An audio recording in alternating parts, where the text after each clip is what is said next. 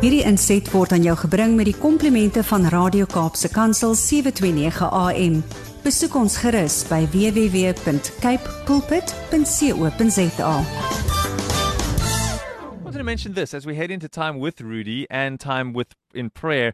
Uh, on uh, on Instagram, a post went up um, yesterday evening from uh, a lady we work with quite regularly. She's one of the big uh, PR agencies that deal with artists and authors and uh, musicians, sending out a message just to say, you know, please pray. My mom has just been taken uh, in an ambulance to hospital. It's COVID 19 complications. She's struggling to breathe.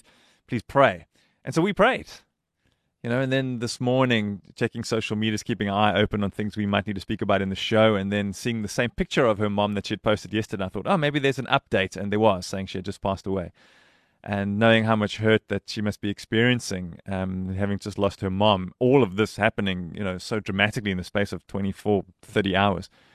And think, oh, we prayed so hard, you know, and then trusting God's sovereignty in all of these moments. And this is probably something that's gone through many people's minds. It's kind of a nice, comforting thought to know that we can speak to Rudy Nachel next, a man with such a father who really understands the father heart of God so well. Rudy, goeiemôre. Rudy is een van die kindergebedsnetwerk van Suid-Afrika se Wes-Kaapse fasiliteerders. Môre Rudy. Goeiemôre Brad en goeiedag aan elkeen wat luister. Ons lewe regtig in tye wat mens gereeld moeilike nuus kry mm. en soms is dit nuus van mense wat naby aan jou is en wat wat swaar kry en soms is dit sommer in jou eie lewe wat jou eie um, omstandighede ge, ge, geraak word en en, en wat dit wat die mense naby aan jou en jouself naby geraak word en dan is dit maklik om die pad byste te raak. Dit is maklik om moedeloos te raak. Dit is maklik om te begin verdwaal. En uh, ek het regtig vanoggend toe ek gebid het oor wat ons oor moet gesels vandag, het ek beleef dat die Here 'n baie baie spesifieke uh, woord in my in my binneste sit En ek praat met almal, ek praat met elkeen wat my stem kan hoor, maar ek praat ook spesifiek met jou wat weggeraak het, jy wat verdwaal het, jy wat weet dat op 'n stadium was jy naby aan die Here gewees. Op 'n stadium was daar tyd wat dit vir jou gemaklik en en tuis was om by die Here te wees en waar jy tussen die Here se mense was en waar jy regtig jou plek vol gestaan het en selfs verantwoordelikhede geneem het. Jy weet dat jy jou rol ernstig opgeneem het. Jy weet dat daar vervulling was in jou verhouding met die Here. Dat tye van worship soos wat ons nou oor gepraat het, was deel van jou ervaring. Tye van gebed was deel van jou lewenstyl en jy het antwoorde op jou gebed gesien. Jy was selfs verantwoordelik vir ander mense in die gemeente en jy het jou rol ernstig opgeneem. Maar nou is jou lewenstyl soos die van die verlore seun en jy is in 'n ver land en jou jou lewenstyl is so dat die dinge wat jy van tevore uh, teen gepraat het is deel van jou gewoonte is is, mm. is deel van van wie jy is en is deel van wat jy doen. Dat jou gedrag en jou optrede is nie 'n weerspieëling van die verhouding met die Here nie maar dit is 'n weerspieëling van die pyn wat binne in jou is en die kwaad wat binne in jou is.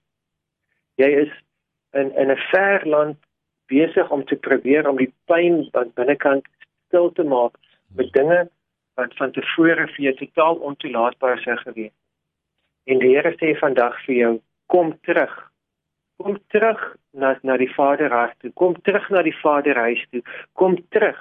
Die van die Here se kant af is die deur oop. Ja. Van die Here se kant af is die welkom eh, eh, arms is daar. Die Here sê jy is nie te ver nie.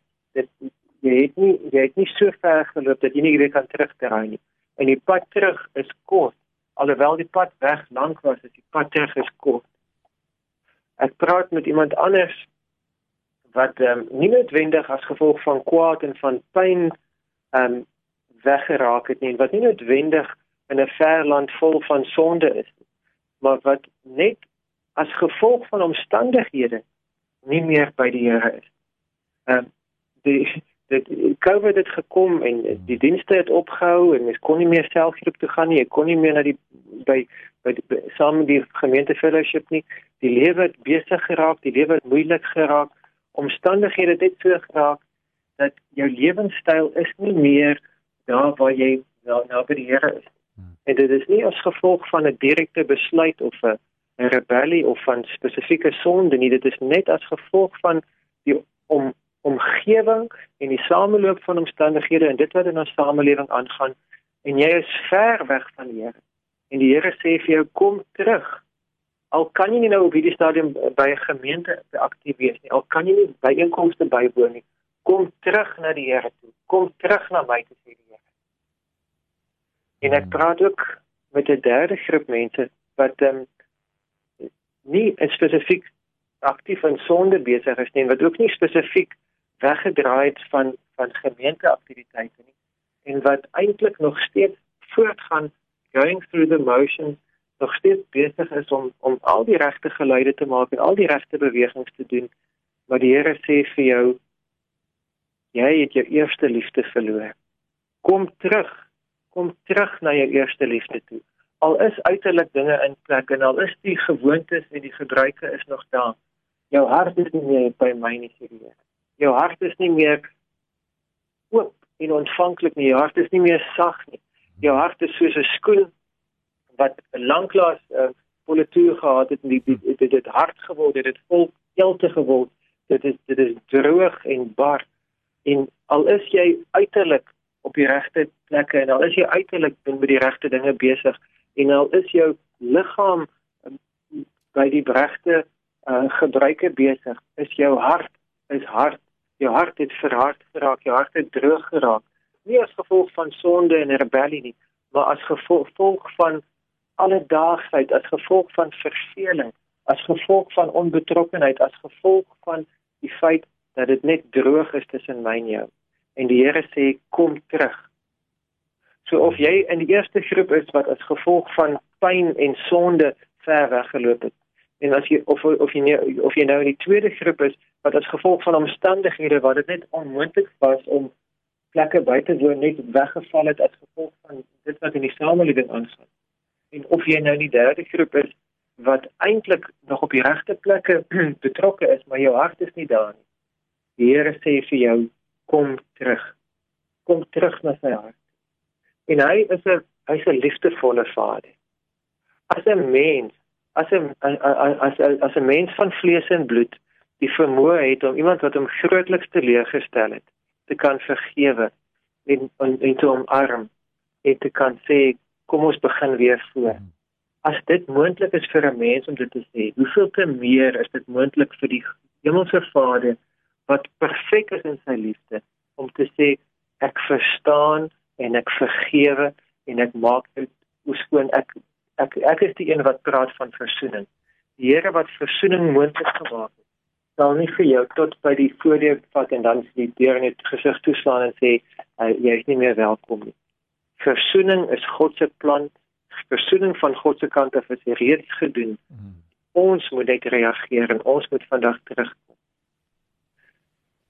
dit mag 'n gevoel van skande en skaamte wees. Dit mag wees ja. dat jy voel jy die Here so teleurgestel dat jy nie jy nie waardig voel nie. Moenie gaan op jou gevoel van onwaardigheid nie. Gaan op die Here se woord wat sê kom terug. Amen. En gaan op sy natuur en gaan op sy karakter. Sy karakter sê dat hy is in staat om te kan vergewe en hy wil vandag vir jou omarm. En moenie dat omstandighede vir jou voorskryf nie. Ons weet nie hoe lank nog lockdown level 4 hoe wanneer gaan ons weer uh, in in in eredienste bymekaar kan kom of in huisgroepe kan bymekaar kom nie. Moenie dit wag vir die omstandighede om eers gunstig te wees nie. Om by die Here uit te kom is in die eerste plek 'n hartsbesluit. En dan kan jy begin wat twee of drie in my naam bymekaar is, kan jy kan jy bymekaar kom en jy kan een of twee gelowiges wat jy vertrou kan jy 'n pad mee stap. Al is dit per foon, al is dit per WhatsApp, dit hoef op hierdie stadium nie die perfekte omstandighede te wees nie. Maar moenie wag vir omstandighede, kom terug. En dan vir die van ons wat in gevaar staan dat ons harte net onverskillig geraak het alhoewel ons nog steeds uiterlik al die regte dinge doen. Die Here sê vir ons vandag hy wil ons harte kom oorrompel met sy liefde. Hy wil ons kom verras met sy goedheid. Hy wil hy wil 'n werklikheid vir ons gee. Dat ons nie in rotine en in gewoonte en uit voorspelbaarheid lewe, maar dat ons op die avontuur gaan om te sê Here, ek wil ek wil regtig iets nuuts, iets vars van U leer ken vandag. En ek wil terugkom na daai plek van eerste liefde.